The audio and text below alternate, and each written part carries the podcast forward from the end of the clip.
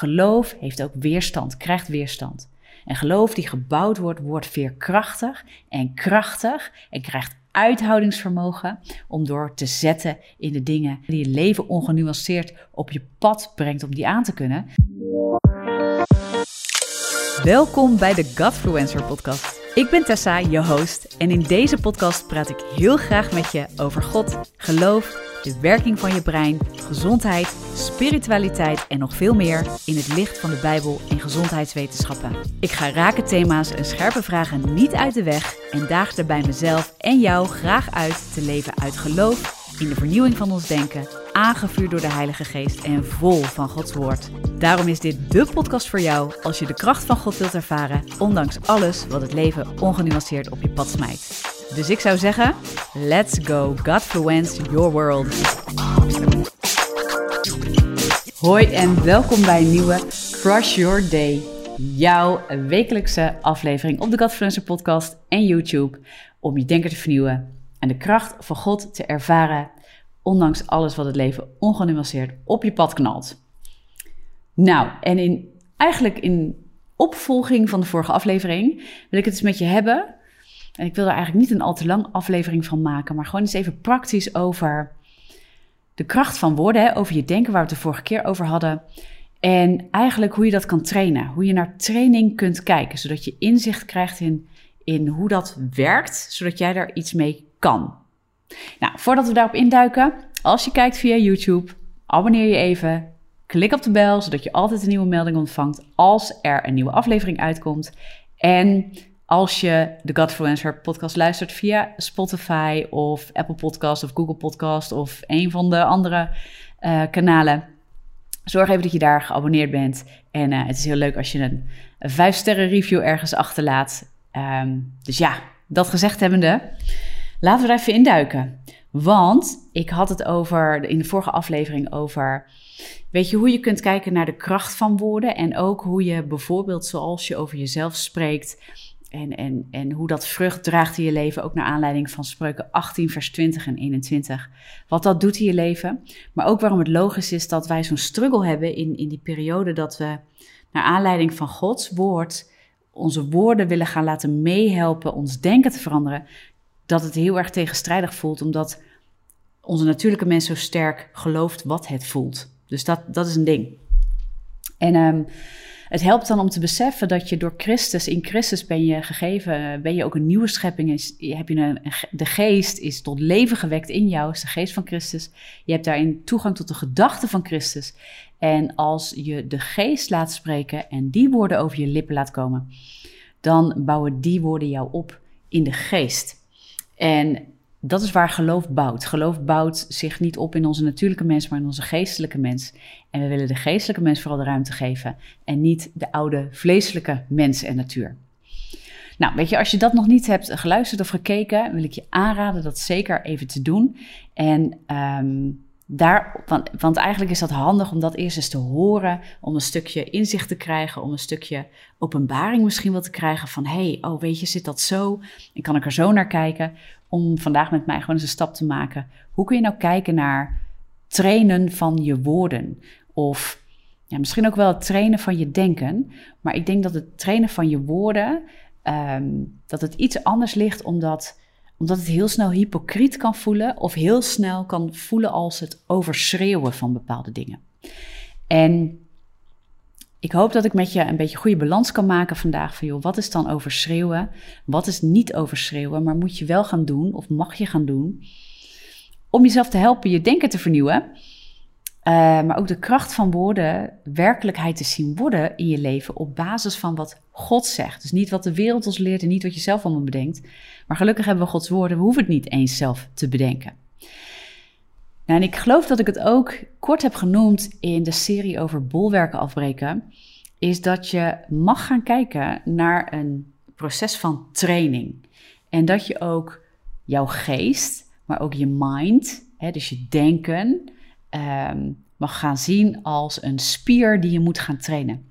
En ik vind het mooi, zoals de wetenschap dat tegenwoordig uitlegt ten opzichte van je hersenen, is dat zij ook echt zien van joh, hè, want wat je moet weten is dat vroeger wist men helemaal niet dat de hersenen op die manier op latere leeftijd ook nog te trainen waren. Maar ze zijn erachter gekomen dat de hersenen plastisch zijn. Oftewel, ze zijn uh, tot, op, tot, op, tot op late, zeer late leeftijd, tot aan je dood, is het mogelijk om je hersenen te trainen in een aantal dingen. Uh, in je denken, in wat je denkt, in hoe je functioneert en ook je spreken heeft daar invloed op. Ook de wetenschap weet dat en heeft dat aangetoond.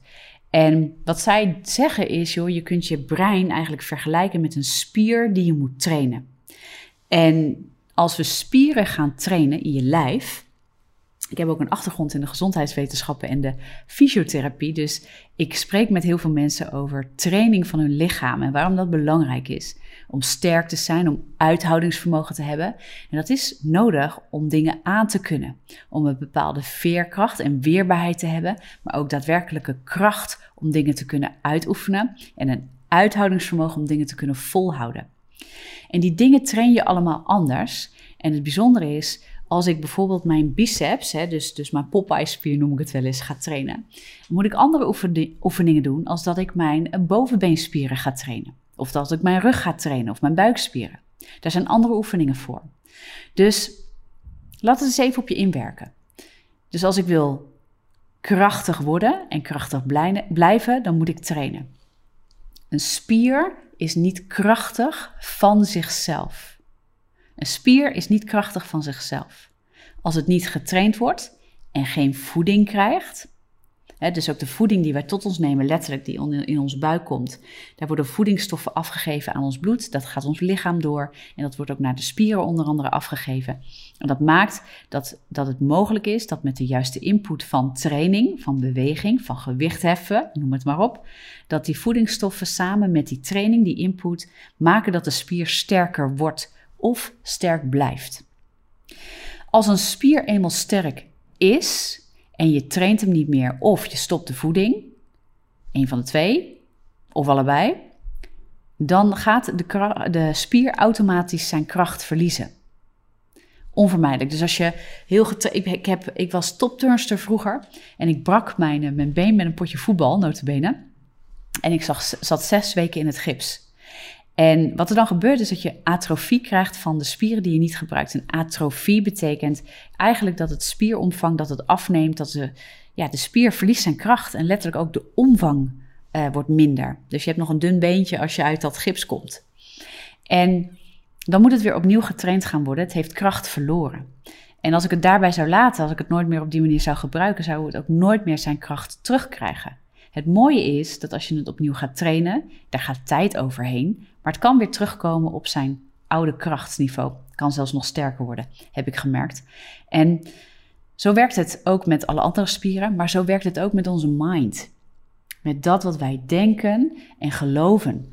En de Bijbel heeft het ook over dat we in geloof kunnen toenemen, dat we het kunnen trainen. dus geloof komt door het horen en het horen door het woord van God, Romeinen 10, vers 17.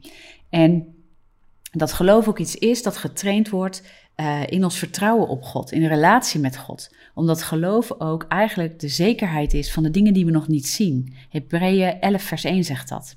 dus geloof is de zekerheid uh, van de hoop die, op de dingen die we nog niet zien. En ik kan hem er even bij pakken, dat ik hem goed, uh, goed met je voorlees uit de Bijbel. Even kijken of ik hem hier ergens heb. Dat heb ik. Ja, dus Hebreeën 11, vers 1. Ik lees hem weer uit de HSV-vertaling. Het geloof nu is een vaste grond van de dingen die men hoopt en een bewijs van de zaken die men niet ziet. Nou, kan je één ding vertellen als je nog ongetraind bent. Ik heb het even niet over dat gebroken been, maar je wil gezonder worden. Ik noem maar wat. Je wil sterker worden. Je wil uh, um, aan jezelf werken. Eh, wat je reden daar ook van is. Dan zie je dat nog niet. Het resultaat is er namelijk nog niet. Ik weet dat sommige mensen willen graag bijvoorbeeld een sixpack van de buikspieren. Weet je, dat is zoiets. En dat staat voor ons vaak gelijk aan een stukje gezondheid of een stukje kracht. Als we dat zien, dan zie ik kracht of dan zie ik gezondheid. Nou, je hoeft het voor mij niet zo uh, extreem voor jezelf te maken als een sixpack. Maar het kan zijn dat je ergens zegt, weet je, uh, God leert me ook dat ik gezond voor mijzelf moet zorgen. Uh, het kan zijn dat je op dit moment op het punt bent dat je denkt, nou, dat doe ik niet voldoende. En als ik dat wel voldoende doe, dan heb je waarschijnlijk een beeld van hoe dat eruit ziet. We hebben een beeld van gezondheid voor onszelf. Dus er zijn een soort, dat is een soort meetwaarde. Hè? Of je voelt iets als je gezonder bent. Hè? Ik hoor vaak mensen zeggen, als ik met mensen werk vanuit fysiotherapie, ehm, ik wil meer energie hebben. Ik wil me minder futloos voelen. Ik wil krachtiger zijn. Ik wil mijn werk langer en beter uit kunnen voeren. Ik wil het vol kunnen houden. Ik wil geen pijn meer hebben. Pijn kan een onderdeel zijn van zwakte, die ontstaat omdat je kracht te weinig hebt, of stabiliteit, of uithoudingsvermogen te weinig in je lichaam. Daar train ik mensen ook in. Dus pijn is soms het gevolg van een disbalans ergens in je lichaam. Dus dat kan ook een teken zijn dat je zegt, nou, weet je, ik wil dat positief beïnvloeden en ik wil daaraan werken. Maar zolang dat er nog eens niet is, dan heb je uh, visie nodig voor waar je naartoe wil, om vervolgens te gaan trainen om daar te komen. Nou, geloof, is een mooie vertaling eigenlijk hoe geloof werkt. Geloof ziet op de dingen van God en, en, en Pak dat vast als een vaste grond, omdat zij weet als ik daarheen beweeg, als ik in geloof leef en ik beweeg daarin en ik stem me daar helemaal op af, dan weet ik dat dat tot uiting komt. Van de dingen, het is de vaste grond van de dingen die men nog niet ziet. Nou, en zo zou je ook naar training voor je lichaam daar een hele mooie eh, brug kunnen slaan van hoe je daarnaar kan kijken. En de vernieuwing van je denken, wat een training is in geloof en werken met de dingen van God. En het geloof van God, dus dat wat God zegt, spreekt, vindt, denkt over onze situatie en over ons en over anderen. En over Hemzelf, hè, dus ook het beeld wat we hebben van Hem. Dat dat getraind wordt, dat onze mind getraind wordt daarin. En dat is geloof. Geloof ziet op de dingen van God en ziet dat misschien nog niet in gevoel. Daar heb ik het ook de vorige aflevering over gehad. Onze natuurlijke mens, onze natuurlijke mens excuus, gelooft wat het voelt. Nou, als we daarin nog niet zien, dus in ons gevoel, in ons denken, in onze gedachten letterlijk, en in ons spreken nog niet zien, nog niet voelen, nog niet ervaren wat we geloven als we kijken naar het woord van God, dan is het zaak dat we daar een periode van training aan wijden om daar te komen, maar ook een periode van training aan houden, aan vasthouden om daar te blijven en niet in te leveren, niet te laten roven uit ons leven. Nou, en daar wilde ik je praktisch gewoon deze uh, deze vergelijking in geven, omdat het je een beeld geeft van hoe je aan het werk kan met het woord van God en je relatie met Christus. Hè, want laten we eerlijk wezen, het is niet alleen verstandelijk werken. Uh, vertrouwen, geloof, heeft alles te maken met degene waarin we geloven, aan wie we ons toevertrouwen. En dat zijn twee aspecten eigenlijk die ik je wil meegeven. Kijk, je bekendmaken met het woord van God wat waarheid is, is een noodzaak. En jezelf helpen, je spreken, je woorden te gaan trainen, te beseffen van hé, hey, ik heb een geestelijke mens in mij. En die heeft in zich gelegd de gedachte van Christus. En volgens mij was dat 1 Korinthe 2, ehm, volgens mij vers 16. Ik ga even kijken of ik hem kan vinden zo snel. Waarin Paulus zegt, weet je, ehm, maar ons is gegeven de gedachte van Christus. Ons is gegeven de gedachte van Christus. Ja, 1 Korinthe 2, vers 16 inderdaad. Wij hebben de gedachte van Christus, dat ligt in ons. Maar we mogen ermee gaan werken, we moeten daarin getraind worden, want wat we kennen is onze natuurlijke mens. En onze natuurlijke mens domineert heel graag in ons leven. En die moeten we kruisigen.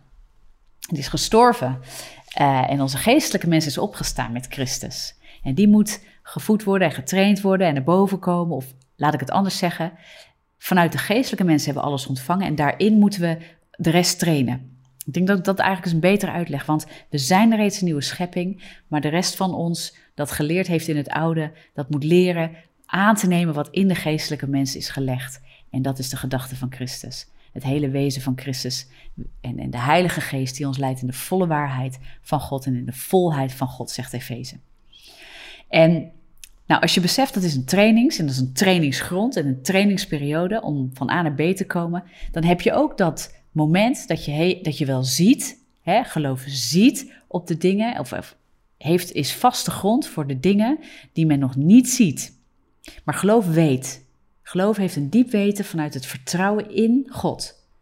Geloof weet wat God beloofd heeft. Geloof weet wat God gezegd heeft. En geloof stemt zich af, af daarop en laat zich in gehoorzaamheid, in de wandel met de Heilige Geest, trainen om daar te komen.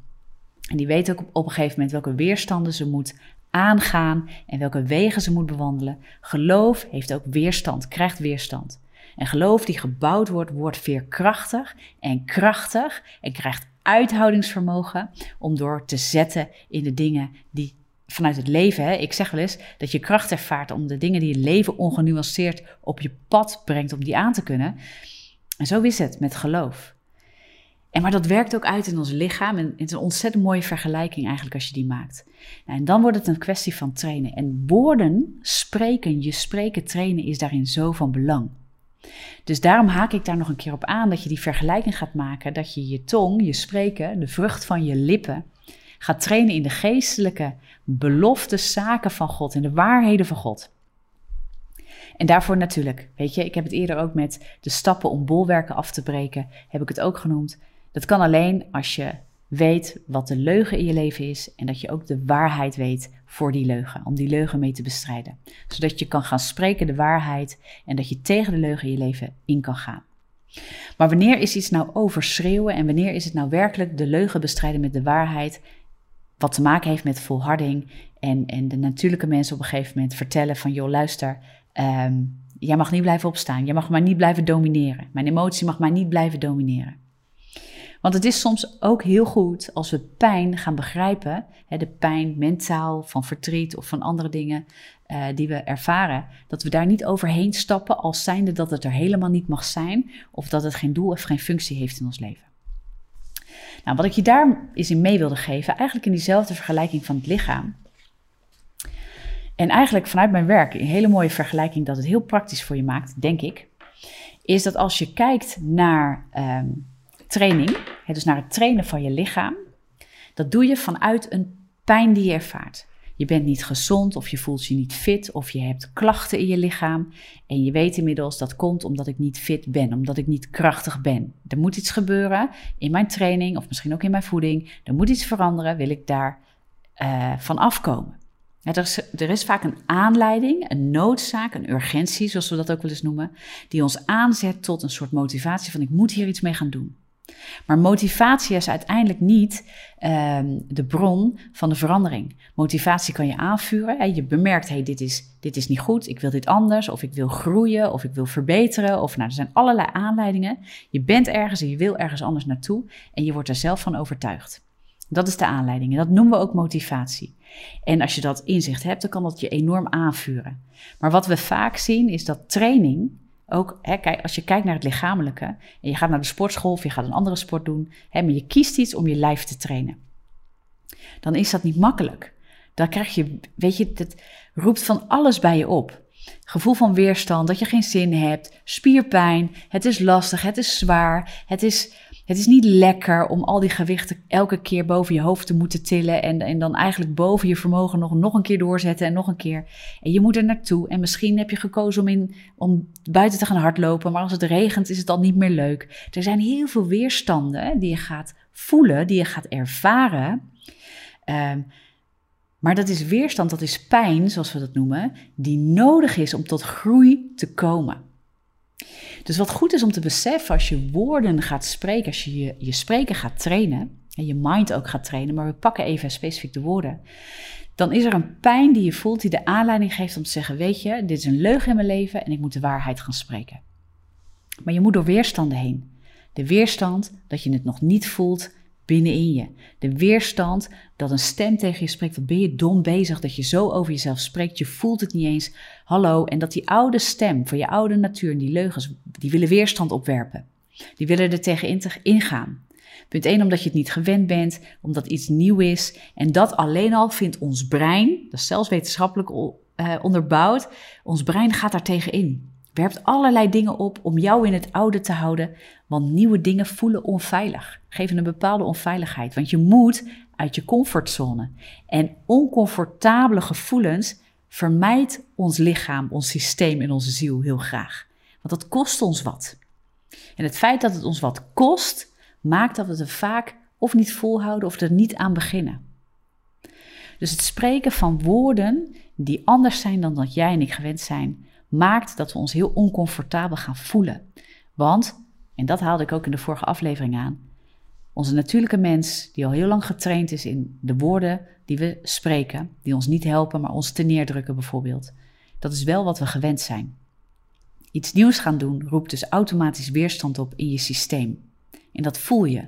Dus gevoelens van ongeloof kunnen sterker worden in reacties van woorden van geloof, die jij wil gaan planten als een zaad in jouw binnenste. Nou, en dat wetende, als je weet van hé, hey, maar mijn hersenen, uh, die moeten mee veranderen met het trainen van mijn mind. Dat is als een spier in mijn lijf. Ik moet dus wel gaan, gaan kijken wat ik heb te trainen. Dus even die vergelijking, train ik een biceps of train ik mijn bovenbenen? Dus welke leugen moet ik gaan bestrijden? Welke waarheid is van toepassing? En op welke momenten ben ik heel erg geneigd die leugen te spreken? En op welke momenten moet ik mezelf gaan trainen? Het kan ook een moment van training zijn. En, en, en de manier van trainen, dus krachttraining, ziet er anders uit als uithoudingsvermogen training, duurtraining. Ja, welke training moet ik daarop loslaten? Dus welke woord van God? Wat heb ik nodig? Heb ik een supportsysteem nodig? Heb ik mensen nodig om me heen die mij regelmatig herinneren aan die woorden van God? En zo kun je allerlei dingen verzinnen, bedenken, die jou gaan helpen om trainen uh, mogelijk te maken. doe je dat in de sportschool of doe je dat buiten? Dus welke omgeving heb je nodig om te trainen? Als jij rust nodig hebt, een war room, zoals mensen het er wel eens over hebben, een stille kamer waar je jezelf opsluit en dat je het woord van God, dat je allemaal briefjes op de muur plakt en dat je die gaat spreken, dat je die gaat langslopen met aandacht, niet vluchtig, want Nogmaals, het alleen maar spreken van andere woorden heeft vaak niet zoveel zin. We dienen die woorden aan te nemen en echt tot ons te nemen en te overdenken. Samen in relatie ook met God, in gebed, geleid door de Heilige Geest wetende wat Christus voor ons heeft vrijgezet, dat wij hebben zijn gedachten gekregen. Nou weet je, en als je bijvoorbeeld daar al moeite mee hebt, dan schrijf ook zo'n Bijbeltekst als dat van 1 Korinthe 2, vers 16. Schrijf dat uit. Plak dat op een briefje. En zo moet je eigenlijk teksten gaan verzamelen die tot je spreken, die je tot je laat spreken en die jouw denken kunnen vernieuwen door de woorden die je verkiest om vanuit je geest te gaan spreken die tot leven zijn in jouw eigen leven.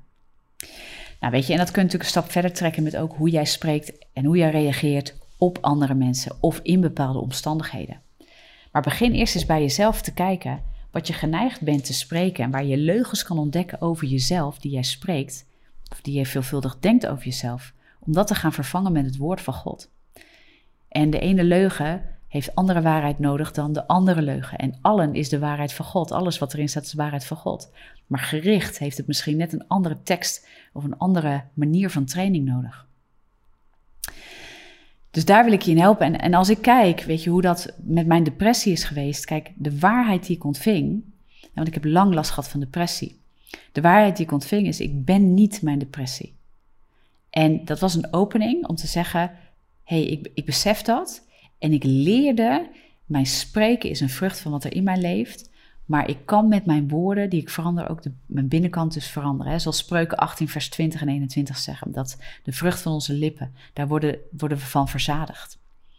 Dus het verkiezen om tegen alles in wat ik dacht en wat ik voelde anders te gaan spreken, maakte dat het mij hielp ook anders te gaan denken vanuit mijn geest.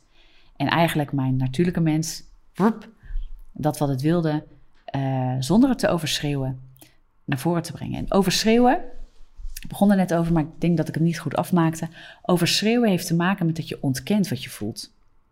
Dat je ontkent wat je voelt. En overschreeuwen heeft ook daarmee te maken dat je functionele pijn, die nodig is, ja, die je moet voelen, en die ook gezond is om te voelen, die ook een gevolg is in het leven als we rouwen, bijvoorbeeld verdriet hebben als we iemand verliezen. Dat is een pijn die moet je voelen. Die is ook niet fijn om te voelen, maar daar moet je doorheen. Want rouw moet je niet wegduwen. Dat helpt je om te verwerken. Dus er is een plek voor pijn.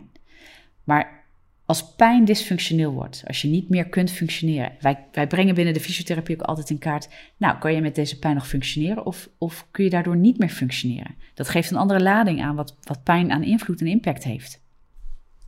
En als je er zo naar gaat kijken, je kijkt eens Ga eens zitten, pak een schrift, ga kijken wat, wat is het eerste wat in mijn gedachten opkomt. Ben ik al heel snel aan het mijmeren en zorgen aan het maken of nemen mijn gedachten me heel snel mee? Begin ik dat ook te spreken? Dat heb ik persoonlijk bijvoorbeeld heel snel. Uh, dat ik heel snel ga spreken wat ik denk. Dus ja, weet je, als ik in mijn huis rondloop en je zou mij, uh, je zou mij zo kunnen observeren en ik zou het niet doorhebben, dan spreek ik heel veel. Ik klets heel veel tegen mezelf. Maar dat heeft dus heel veel impact. Het heeft heel veel impact. En ik ben me gaan beseffen, het woord van God zegt daar wat over.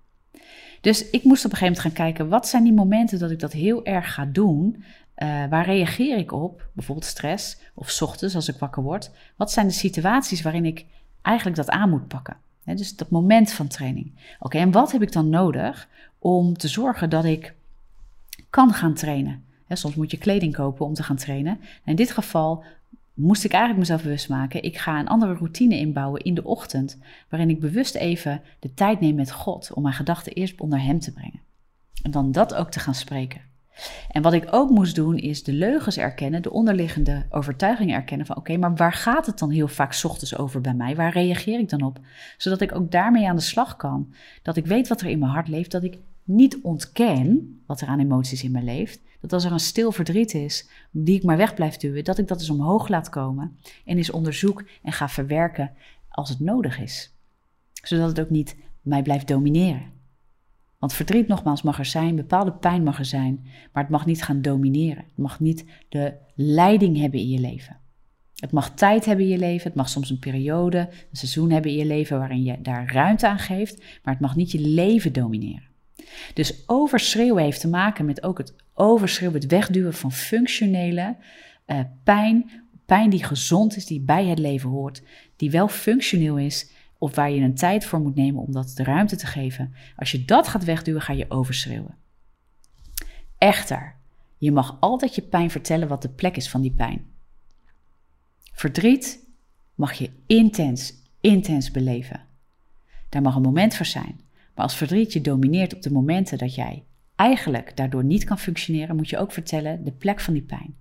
En daar is ook het woord van God voor, om te zeggen: het woord van God, de kracht van de geest, dat is mijn leiding. Dat is mijn leiding. Mijn relatie met Jezus is mijn leiding. Mijn verdriet mag er zijn, maar ik moet eigenlijk ook kunnen zeggen tegen mijn verdriet: hé, hey, nu even niet. Nu even niet. En dat is niet altijd gelijk overschreeuwen. En daar stoeien heel veel mensen mee. Dus een tip is: ga denken in functioneel en dysfunctioneel. Pijn die dysfunctioneel wordt, zou moeten leiden tot een proces waarin je gaat trainen. Waarin je gaat leren, waarin je gaat groeien. En er is ook pijn in die groei, groeipijn noemen we dat. En dat is pijn die ons brengt naar een diepere laag, die ons helpt om onze woorden te gaan aanpassen, om onze gedachten onder de loep te nemen en te gaan treden. En de woorden van mijn mond, die hebben invloed op wat ik denk en wat ik voel. En dat ik besef, er moet een shift gaan komen dat um, ik heb het hier opgeschreven. Ik ga het stuk even opzoeken. Even kijken hoor. Hoop ik dat ik daar snel even. Je hoort me ondertussen even bladeren. Um,